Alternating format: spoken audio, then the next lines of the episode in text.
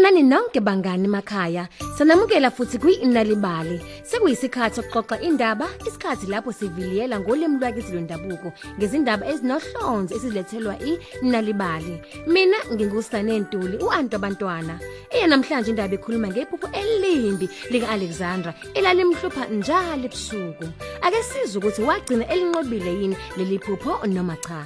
Nalibali. Kwathi ngobunye ubusuku uAlexandra waba nephupho elimbe lesabekayo.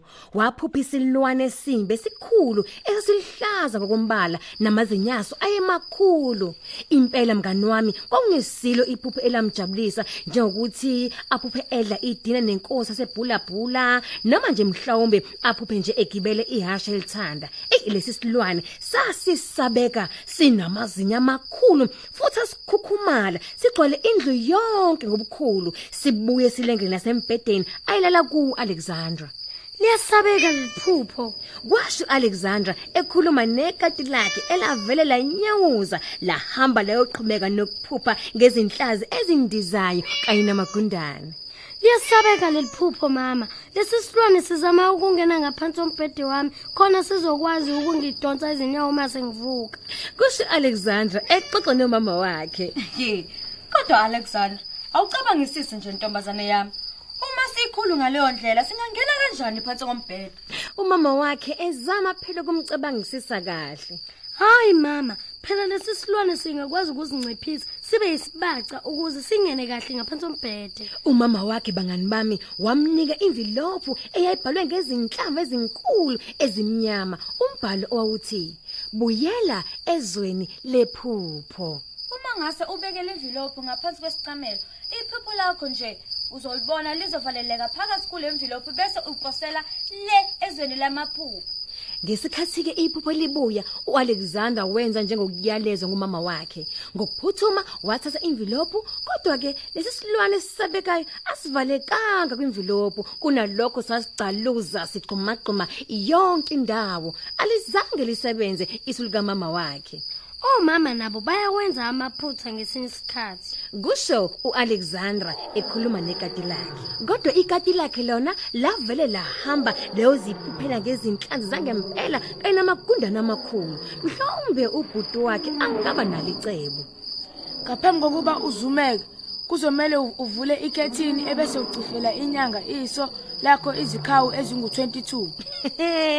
bangani bami kwakusho ubhuti kaAlexandra ngalowo busuku uAlexandra wafuna ngempela ukubona ukuthi lizosebenza yini lelisi lukaBhuti wakhe kodwa ke ngesikhathi evula ikhethenisi yayingekho inyanga ekade ngayiциfeliswa Esikhathini eziningi obhudi basho izinto ezingasile nje. Kusho Alexandra ngomoya ophansi ezikhulumela nekati lakhe. Nalo lavele lahamba leyo ziphuphela ngamagondane andizayo kanye nezinhlanzi ezinkulu. Ngobusuku obulandelayo wazama icebo likamngani wakhe omkhulu lokuhlina aqinisa phela futhi is- ubuso eqinisela isilwane kodwa ke lelo cebo alizange futhi lize lisebenze mhlawumbe ubaba wakhe angalekelela kule nkinga yaleli phupho lesilwane esisabekayo Zama ukulala ubheke ngenye indlela. Bheka phansi ngasekugcineni kombhede. Uzobona iphupho lakho nalo lizovaleka. Libheke phansi. Futhi ngeke lazi nokuthi likalaphi. Kwakusho ubaba kaAlexandra hawuke nebala uAlexandra wenza njengokusho kwababa wakhe kodwa laphinda futhi labuya leli phupho Eish, kwesinye isikhathi obaba abazi zonke izinto. kusho uAlexandra ekhuluma nekati lakhe Ngiyazi kati lami ukuthi unamaphupho alingana nawe, awamakhulu ngokuphindiwe kunami. Hawu, ikati lavele lahamba leyo ziphuphela ngezinhlanzi, amagondane kanye nezinyoni ezindizayo. Ngesikhathi phela isilwane sika Alexander siqhubeka nokukhula. Kuthe kusenjalo kwafika ugogo wakhe. Hm, mhlawumbe angalekelela kule nkinga. uAlexander wachazela ugogo ngephupho lakhe. Oh yebo, amaphupho. Hi, Okuhlekisayo ngawo ukuthi amanye mahle kanti amanye mabi. Usuke wazama nje mzukulu wami ukucifela isinyanga noma nje ukwavalela envelopini. Ubuza ugogo. Yebo gogo. Ukuhlina kona noma ukulala ngendlela ebheke phansi. Yebo gogo. Hmm, ayi awuzame lokho. Mhlambe kungakusiza. Ugogo wayesemhlebezela endlebeni yakhe ngokumele akwenze phela uAlexandra. Awu wazilungiselela ngalobo busuku Alexandra isilwane sabuya futhi. Uyiphupho nje wena kwaphela. Kusho uAlexandra ngephimbo elimemezayo. Futhi ngiyazi ukuthi uyiphupho nje kwaphela. Impela ugogo wakhe wayeqinisile. Isilwane sathuka kakhulu, amehlaso avuleka abamakhulu, agcwala ukwesaba. Uma ngase ngiphaphame uzoqhuma usakazeke bese uyanyamalala ngakho ngithi suka kimi iphupho elimbi hamba uyovakashela abanye. uAlexander wamemeza kakhulu kunaqala.